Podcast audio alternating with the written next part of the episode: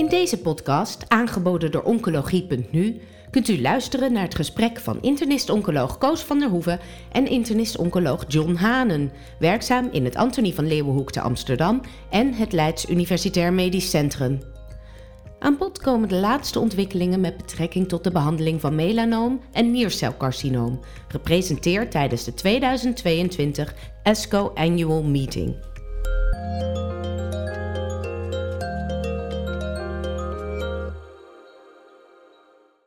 ASCO 2022, melanoom en niercelcarcinoom. Veel over te vertellen. Ik ga erover praten met professor John Hanen. Hij is internist-oncoloog in het NKI Antonie van Leeuwenhoekhuis. En zijn aandachtsgebieden zijn met name de behandeling van niercelcarcinoom, melanoom, maar ook wel de immunotherapie in al zijn breedte. Welkom, John. Dankjewel. John, heb jij het in Chicago gevolgd of was je thuis? Ik heb het in Chicago gevolgd. Ik was daar uh, voor het hele congres. Oké, en hoe was dat? Nou, het was natuurlijk op zich wel weer goed om uh, live daar te zijn, om mensen weer te zien. Uh, het was duidelijk veel minder goed bezocht dan andere jaren. Ja. Uh, dat gaf ook een beetje lucht, moet ik zeggen. Mensen liepen niet zo dicht bij elkaar. Uh, en veel mensen maakten gebruik van mondkapjes. Ja, ja, dat zag je ook bij de presentaties. Ja. Laten we naar de presentaties gaan. In Ja. vergelijking tot andere jaren was er bij het melanoom, want daar gaan, mee gaan we beginnen. Wat mij betreft eh, veel aandacht voor vroege stadia van het melanoom. Dat klopt. En eh, er was ook een, eh, een studie die, oh, die ging over de keynote 716, over de adjuvante behandeling met pembrolizumab bij stadium 2b en 2c melanoom. Waarom werd dat gedaan? Nou, die studie die was eigenlijk al eerder ge- eh, gepresenteerd eh, op ESMO vorig jaar. En dit waren wat updates eh, die gepresenteerd werden op, op, op ESCO. De gedachte is natuurlijk dat als je kijkt naar patiënten met een stadium 2, B en C melanoom, en je kijkt zeg maar, naar de overleving van die patiënten en vergelijkt het met stadium 3, dan zie je dat die patiënten het eigenlijk niet zo heel veel beter doen dan de stadium 3's. Dus Ja, we vonden het eigenlijk heel logisch om daar waar in stadium 3 adjuvante behandeling zinvol is, en in ieder geval leidt tot een betere relapse-free survival. En ja, wellicht ook wel een, eh, een overall survival, maar dat weten we op dit moment nog niet. Dat dat ook wel eens zou kunnen gelden voor stadium 2 B en C melanoom. Dus vandaar dat die studie gedaan is, een placebo-gecontroleerde eh, fase 3-studie. Eh, en nu, op, tijdens ESCO, werden de distant metastasis-free survival gegevens er voor het eerst gepresenteerd. Als we kijken naar de relapse-free survival, dan is er een hazard ratio van 0,64. Met andere woorden, 36% afname in de kans op een relapse. En als je naar twee jaar kijkt, dan was dat nog niet gebeurd in ehm, eh, 81% van de patiënten die de Pembro kregen en eh 72% van de patiënten die de placebo kregen. De. DFSS, de DFS, eh, DMFS, sorry, de Distant Metastasis Free Survival. Mensen beschouwen dat soms een beetje als een maat voor overall survival, maar in het handje van de setting moet je daar heel voorzichtig mee zijn. Ja. Ehm, was eh, de hazard ratio eigenlijk hetzelfde, ook 0,64. En dan was het verschil tussen die twee armen op 24 maanden, dus twee jaar, was 6%. Dus er was een Ja. 6% mindere eh, metastase op afstand in vergelijking met de, de placebo-arm. Ehm, sowieso zagen we in de placebo-arm meer metastase op afstand dan lokale relapsen. ja, Eh, dus wellicht dat toch zeg maar, dit soort behandelingen op de lokale relapse wel wat eh, eh, bijdraagt. Ja, weet je, ik denk eerlijk gezegd, het is een beetje lastig, hè, want ehm, als je kijkt naar hoeveel patiënten je moet behandelen, uiteindelijk om een patiënt te voorkomen dat hij een relapse krijgt, dat is best wel hoog, dat aantal. Ja. Ehm, dus, de, en ik ben bang dat je, als je kijkt naar overall survival, dat dat verschil niet gaat komen, omdat je zulke goede behandelingen hebt voor ehm, stadium 4 ziekte, zou dat wel eens helemaal kunnen Ja. tegenvallen. Dat je dus nooit echt een overall survival verschil gaat zien. Dus, Als, ja, je deze, als je deze getallen op dit moment vergelijkt met de getallen van de adjuvante therapie bij stadium 3 melanoom in dezelfde follow-up tijd, is er dan een groot verschil? nee, Nee, niet. nee, niet zo'n groot verschil. Dus, dus, dus het doet wel degelijk wat, alleen ja, er is ge- geen enkele biomarker die je helpt om te zeggen, deze patiënt heeft er heel veel baat bij en een andere patiënt heeft er helemaal geen baat bij. Oké. Dus het blijft Dus- wel een beetje lastig iets. Ja, dus eigenlijk is uw conclusie op dit moment wel interessante gegevens, maar nog niet practice changing in Nederland. Nou ja, ik denk dat als je gaat kijken naar uh, de uitkomsten van die studie, uh, dan zou het best kunnen zijn dat, je, dat ze wel voldoen aan de pas, criteria en dat ze op basis daarvan uh, wellicht ook wel voldoende zijn om in Nederland goedgekeurd te krijgen. Maar ja, dat is natuurlijk toch een beetje lastig. Nee, je moet dus heel veel patiënten gaan behandelen om er uh, slechts één of twee te hebben die uh, helemaal geen, ja, die, die, dus die, die relapse niet gaan krijgen. Je noemde, al, je noemde al even. toxiciteit, hè? Ja, je noemde al eventjes de behoefte aan, aan biomarkers. Ja. Daar wordt natuurlijk al heel lang naar gezocht. Ja. Is daar nou helemaal geen licht aan de horizon? Dat je Nee. patiënten op basis van een biomarker kan identificeren? Wel Nou ja. geen baat. Dat zal, dat zal voor, voor, voor adjuvante studies sowieso lastig blijven. Eh, dus dat als je al biomarkers gaat vinden, dan zal dat in de neo-adjuvante setting eh, zijn. En ook tijdens het congres waren er natuurlijk ook wel wat neo-adjuvante behandelingen die eh, bij melanoom werden ge- gepresenteerd. Eh, want dan kun je tenminste zien wat je behandeling bijdraagt. En eh, ik weet dat, eh, dat mijn collega Christian Blank onderzoek gedaan heeft bij patiënten met een stadium 3 melanoom die neoadjuvant behandeld zijn. En heeft gezien dat in ieder geval een interferon gamma signatuur, dus een RNA-sequence data, die dan laten zien dat genen hoger tot expressie komen die gerelateerd zijn aan interferon gamma respons. Dat eh, als die verhoogd zijn, de kans op een effect van de adjuvante of neoadjuvante behandeling veel groter is. Ja. Je hebt eigenlijk al een mooi overstapje gemaakt naar de Prado-studie, die door de Christian Blank vanuit het NKI gepresenteerd is bij ASCO. Gaat over stadium 3 melanoompatiënten, neoadjuvant, twee kuren, ipilimumab en nivolumab. Eh, wat waren de resultaten die hij daar presenteerde?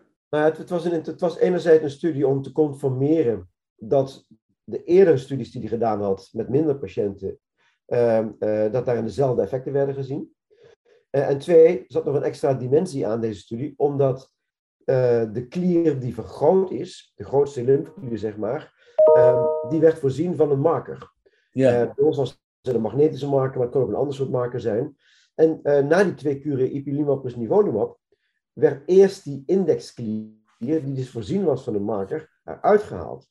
En gebaseerd op het effect wat gezien werd in die lymfeklier, ehm, werd, eh, werden patiënten al dan niet alsnog behandeld eh, met een ehm, totale lymfeklierdissectie. ja, En eh, nou, wat hij liet zien was dat patiënten die deze behandeling kregen, dat er nog steeds zo'n 61% een major pathological response had. Wat betekent dat? Dat Ja. bij onderzoek alle eh, tumoren, tumorcellen weg waren. Er was dus geen residuaal viable tumor eh, meer aanwezig. Of het was 10% of minder in die lymfeklier. En dat noemen wij een major pathological response. En dat was dus inderdaad bij zo'n 61% van de, van de patiënten.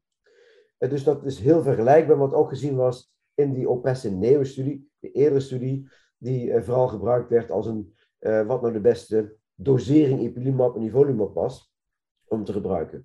De graad 3-4 toxiciteit was vergelijkbaar, wat ook in de OPESIN-NEO werd gezien. Zo'n 30% van de patiënten had zo'n eh, eh, graad 3 tot 4 eh, toxiciteit. Dat was in die andere studie 21%, dus dat zat er heel dicht eh, bij. Ehm, patiënten die een MPR hadden, dus een Major Pathological Response hadden, die alleen maar die indexklier verwijderd kregen, hadden een hele goede event-free survival.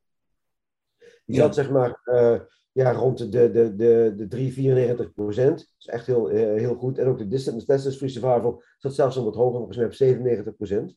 Maar er was ook een groep bij, en dat, was, dat kwam uit die OPESIN NEO-studie, ehm, waarbij patiënten een partiële pathologische respons hadden. En wat is partiële in deze setting? 50% of meer afname, verdwijnen van eh, het, eh, het tumorvolume. En die groep deed het eigenlijk net zo goed als die NPR-groep in die OPESIN NEO, maar in deze studie niet. Deze, deze groep had relatief hoog percentage eh relapsen. En Ja. eh, ook distant metast, eh, dus op metastasis op afstand.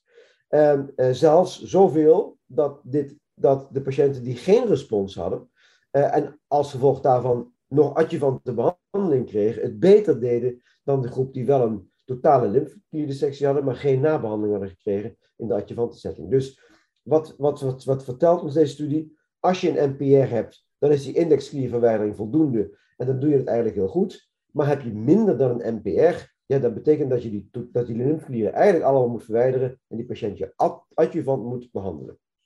Als we nou een vertaling proberen te maken naar de, de algemene praktijk in Nederland. We hebben gezien 61% van de patiënten heeft met deze behandeling een major pathologische respons. In die gevallen hoeft niet een heel eh, lymfeklierdissectie gedaan te worden. En hoeven ze ook niet gedurende een jaar adjuvante uh, immunotherapie te hebben. Uh, is dat nou al rijp genoeg om te zeggen, laten we dat maar gaan doen?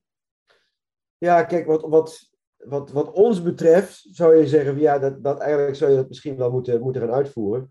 Maar uh, zo werkt het helaas in de praktijk niet. Je zult toch een, uh, uh, een registratiestudie hiervoor moeten doen. Die studie loopt nu, dat is de NADINA-studie, waarbij patiënten ehm, of neoadjuvant worden behandeld.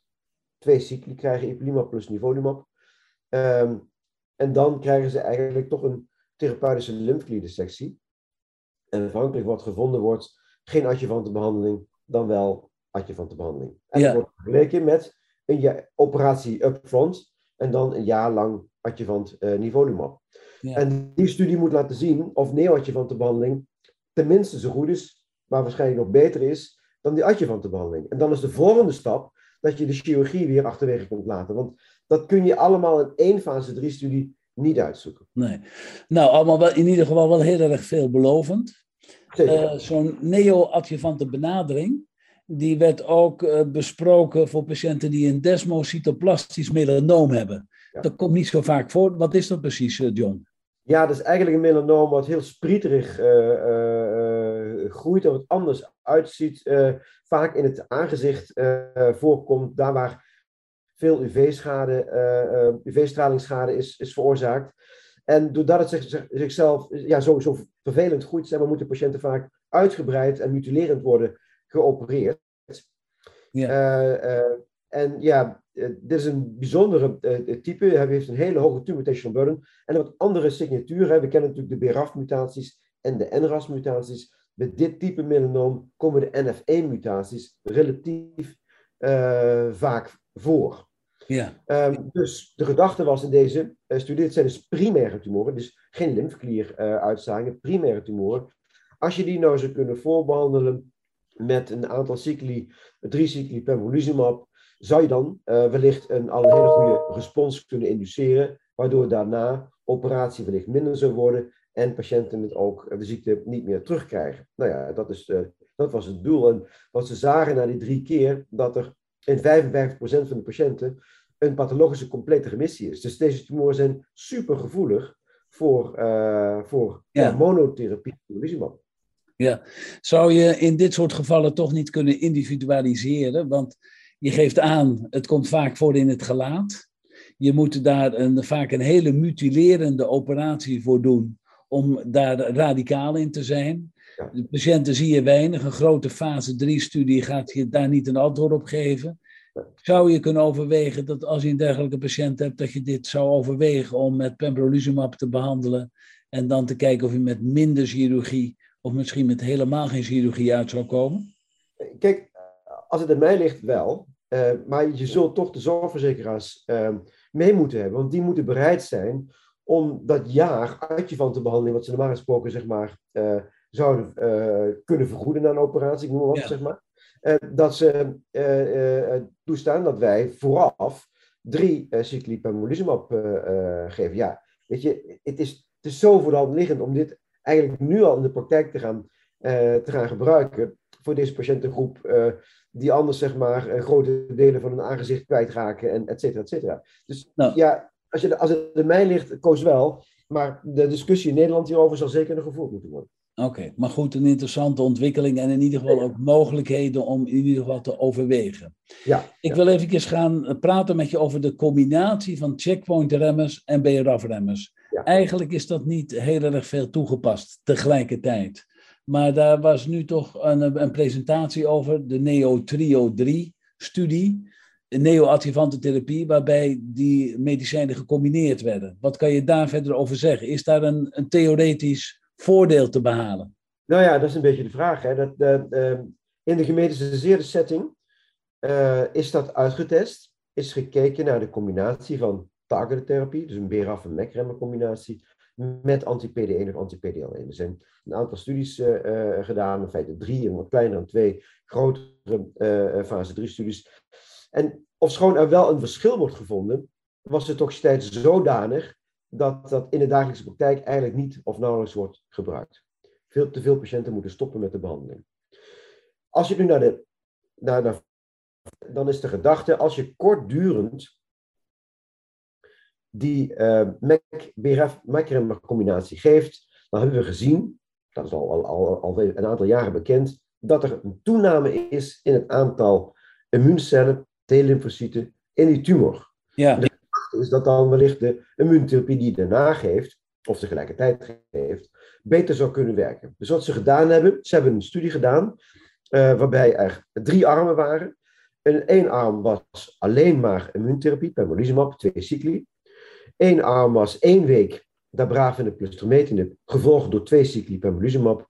En één, de derde arm was tegelijkertijd twee cycli pembrolizumab en in die periode ook dabravinib plus. En dan werden die patiënten geopereerd en daarna konden ze eventueel ook nog adjuvante behandeling uh, uh, krijgen. Als je gaat kijken naar de uh, pathologische complete responskans, dan was dat min of meer vergelijkbaar. 40% voor de Pembro, 30% voor de één week dabraven trametinib, daarna uh, pembrolizumab. En voor de combinatie was het 55%. Maar in die laatste groep moesten eigenlijk opvallend veel patiënten stoppen met de behandeling de toxiciteit. Ja. Als je gaat kijken naar de overlevingscurves, dan waren die eigenlijk niet verschillend tussen die drie groepen. Nee. Dus ja, alles bij elkaar, denk ik, dat uh, ik nog niet zo heel duidelijk zie dat er nou zoveel toegevoegde waarde is aan uh, het geven van combinatie BRAF-MEC-remmers aan immuuntherapie in deze setting. Ja. En ik denk dat wat nog van belang is om te weten, er kan natuurlijk best wel een influx zijn van meer lymfocyten in die tumor, maar de vraag is natuurlijk of die lymfocyten echt toe doen. Zijn dat die ook de kanker kunnen herkennen? En daarover is eigenlijk heel weinig bekend. Dus het kan ook zeg maar wel een fenomeen zijn uh, uh, waarbij een heleboel cellen worden uh, aangetrokken naar een, toch een situatie, een gebied van inflammatie, maar die cellen überhaupt geen enkele bijdrage leveren aan het antitumoreffect wat je probeert op te wekken met anti-PDE. Oké, dus voorlopig gaan we dat niet, uh, niet Ik ga dit voorlopig niet uitvoeren. Nee. Een andere combinatie, wij zijn gewend aan de BRAF-remmers, de ipilimumab en de PD-blokkers. Maar we hebben sinds kort ook Relalatinlab uh, tot onze beschikking. Wat, wat is dat voor iets, uh, John? Ja, Relatimab is een, uh, een antilichaam dat gericht is tegen het eiwit dat heet LEC3. Ja. En LEC3 is eigenlijk ook een checkpoint-molecuul dat op afweercellen voorkomt. En naarmate de cellen zeg maar, meer uitgeput raken, dysfunctioneel raken, zie je dat meer van deze checkpoints op de cellen aanwezig zijn. Dus naast PD1, CTLA4, dus ook LEC3 en nog een aantal andere, TIGIT en TIM, TIM3, eh, allemaal van dit soort eh, eh, moleculen. Dus de gedachte was, als we nou in plaats van uh, die epilimab uh, te geven, dus CTLA4 te blokkeren, uh, nu LEC3 blo blokkeren en dat combineren met in dit geval nivolumab, zou dat niet beter werken dan nivolumab alleen? Ja. En, daar zijn dus er is een gerandomiseerde fase 2-3-studie voor gedaan, de Relativity 047-studie. Uh, en um, daarvan wisten we eigenlijk al dat op relapse-free survival er een verschil was tussen die twee uh, armen. Hazard ratio van 0,78 en een twee jaar verschil in RFS van 38,5% voor de combinatie tot 29% voor nivolumab alleen in de overall survival nog geen statistisch significant verschil. Wat ze nu gedaan hebben in deze studie is gekeken, in deze presentatie gekeken naar een aantal subgroepen. Daar was de studie natuurlijk niet voor, uh, niet op gepowerd nee. om dat te doen. We hebben ze gekeken bijvoorbeeld naar PDL1-expressie, LEC3-expressie op T-cellen, de combinatie van die, die, twee, leeftijd van de patiënt, al dan niet ehm, type melanoom acraal, of, of, of niet acraal, mucosaal, MNA, NMB-ziekte, dus LDH, BRAF gemuteerd. En dan zie je wel zeg maar, dat, dat er in een aantal situaties de combinatie mogelijk wat beter is in responskans. Het zegt niks over, over, over PFS of, of, of OS. Dus, maar zoals ik al zei, de studie was niet gepowered om daar heel veel over te zeggen. Dus het is vooral zeg maar um, hypothesis generating uh, om daarnaar te kijken. En dan zie je zeg maar dat, dat eh, eh, LDH blijft een prognostische factor. Dat wisten we eigenlijk al. Voor BRAF-mutatie maakte het eigenlijk niet uit of je nou een BRAF-mutatie had of wildtype had. Was in feite liepen de curves, de PFS-curves, min of meer vergelijkbaar. Acraal deed het wat beter. mucosaal deed het eigenlijk vergelijkbaar met nivolumab. Leeftijd maakte uit. Hoe hoger de leeftijd, hoe beter de combinatie uh, uiteindelijk deed. Dus er waren wel wat signalen uh, die uh, mogelijk wat, die voor de toekomst interessant zijn, maar het is denk ik nog te vroeg. Oké, dan wilde ik met melanoom stoppen en de overstap maken naar het niercelcarcinoom. Ja. Daar is de afgelopen tien jaar heel veel in gebeurd. Ik denk dat we ongeveer tien medicamenten hebben om de patiënten met een gemetastaseerd niercelcarcinoom op dit moment te behandelen. Maar er was weer een nieuwe bij voor de VHL-groep niercelcarcinoom. Ja. Het Belsutifan HIV, dat is een HIV-2-alpha-remmer. Kan je daar iets over vertellen over de resultaten die ervan gepresenteerd Ja, dat was de Lightspark uh, eh, 004-studie. Ja. Uh, en uh, een poster volgens mij van Eric Jonas. daar, die, had, die, die liet eigenlijk de tweejaars overlevingsdata zien van Belzutifan, fase 2-studie voor patiënten met Van Hippel-Lindau uh, ziekte. Dus dat is een groep met een kiembaan-mutatie in het uh, VHL-gen. Uh, ging om totaal 71, 71 patiënten. En bij Van Hippel-Lindau ziekte krijgen patiënten op relatief jonge leeftijd nierkanker. Vaak meerdere nierkankers in één of in beide nieren ook. Maar kunnen ook hemoglioblastomen krijgen, maar ook neuroendocrine tumoren ontwikkelen in pancreas en andere gebieden. Dus die patiënten die, die hebben, hebben een verandering in het van de Hippo-Lindau-gen, dus dat werkt niet meer goed. En als gevolg daarvan krijg je accumulatie van dat hypoxia-inducible factor. Ja. En op het moment dat dat uh, ons, on, uh, komt, dan drijft het als het ware zeg maar, angiogenese. Dan krijg je dus aanmaak van bloedvaten. En vandaar dat, dat, je, vandaar dat je dit soort tumoren kunt, uh, kunt krijgen. Belzutifan is een interessant middel, um, omdat het de interactie tussen HIF2-alpha en HIF1-beta kan blokkeren. En niemand had gedacht dat dat ooit, hè, dit is een transcriptiefactor, dat je transcriptiefactoren ook met de medicijnen zou kunnen targeten, maar dat is dus wel gelukt met, uh, uh, voor, de, voor, dit, voor die HIF2-alpha. En belzutifan doet dat op een hele goede manier. En als gevolg daarvan zie je dat patiënten, vooral met Van Lindo ziekte, een hoge kans hebben om goed te reageren op die uh, behandeling. Bij nierkanker, en mensen die dus die, uh, niertumor ontwikkelden, was de objective response kans bijna 60%. Ja. En voor de andere tumoren was dat ook aanzienlijk. Uh, 38% voor die hemangioblastomen en voor de PNET zelfs 90%. Het middel heeft relatief weinig bijwerking, wordt gewoon oraal uh, gegeven in een dosering van 120 of 200 milligram. Dat wordt nu nog een beetje uitgezocht. Relatief weinig gaat 3-4 toxiciteit, 16%. En maar weinig mensen die moesten stoppen, iets van 3% van de patiënten. De belangrijkste bijwerking van het middel is bloedarmoede. Ja. En die is zodanig dat je die patiënten vaak ook met EPO moet behandelen. Ja. Uh, want anders dan, uh, ja, dan daalt het HB wel te veel.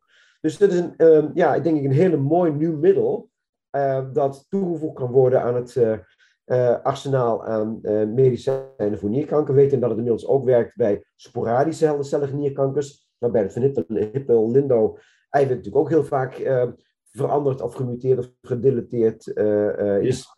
En het wordt nu uitgezocht in combinatie met onder andere zeg maar, andere TKI's, dus lenvatinib, of ook met immuuntherapie als pembrolizumab. Dus we gaan ongetwijfeld nog veel van dat middel horen. Het is een kleine groep patiënten, maar het is wel veelbelovend dat daar nu iets voor is. Is het beschikbaar als je zo'n patiënt hebt? Kan je dat eh, voor de patiënt krijgen? Nou, in de VS wel. In de VS is het, is het goedgekeurd. In Europa is het nog niet beschikbaar. Oké. Okay. Um, ehm, therapie bij een hoog risico uh, niercelcarcinoom geopereerd. Is daar plaats voor adjuvant pembrolizumab? Ja, die, kijk, de data die er, uh, die, die gepresenteerd zijn hier over al eerder hoor. De keynote volgens mij 564 studie. Um, die laten zien dat er wel degelijk een plaats is. maar opnieuw, en dan ga ik, kom ik een beetje terug op de discussie die we melanoom ook hadden. Ja. Je moet dus best wel veel patiënten behandelen om bij één patiënt relapse te kunnen voorkomen. En ook hier geldt dat het onduidelijk is of het wat gaat doen op de overall survival. Bij nierkanker is die kans misschien wat groter, omdat uh, de, de, zeg maar, de behandelingen die er zijn voor stadium 4 ziekte wat minder goed werken dan bij melanoom. Je ziet wat minder duurzame respons ontstaan. Maar ook daarin zou je kunnen veronderstellen dat die overall survival misschien wel eens veel minder uh, uh, verbeterd zou kunnen worden door die adjuvante therapie. Dus ja. als je kijkt naar secte-studie, voldoet aan de pasco-criteria. Ongetwijfeld, in de VS is het al beschikbaar. Um, gaat in Europa vast ook uh, komen.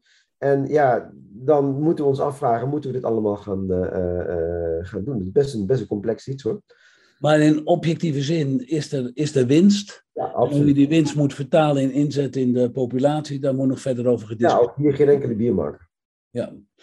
Um, Everolimus, eigenlijk een van de eerste middelen voor het niercelcarcinoom. Wordt dat nog wel eens gebruikt eigenlijk? Ja, in combinatie met lenvatinib wordt het gebruikt uh, bij nierkanker.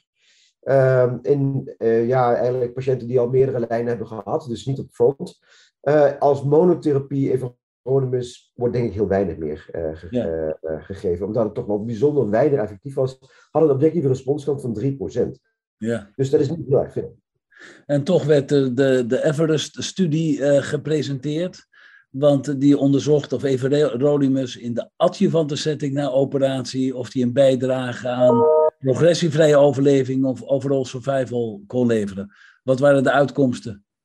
Ja, het was een grote studie hè, met iets van uh, bijna 1500 uh, uh, patiënten. Die studie is later ook verruimd, mochten meer patiënten in, omdat er relatief veel uitval was in de behandelde groep met everonimus. Het middel geeft toch al voldoende toxiciteit.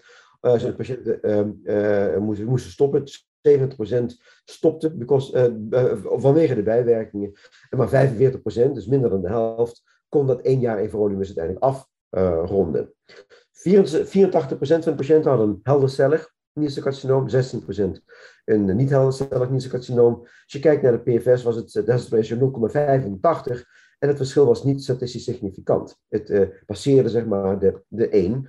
Ehm, ja, is het dan is het zinvol? Ik moet zeggen, ik was niet erg onder de indruk van die, uh, van die data. Er was misschien een groep zwarte Amerikanen en mensen met een heel hoog risico die wellicht meer baat hadden daarvan. Maar ja, dat, dat zijn allemaal subgroepen. en dan is altijd maar de vraag of dat, of dat wel iets is wat je wat moet.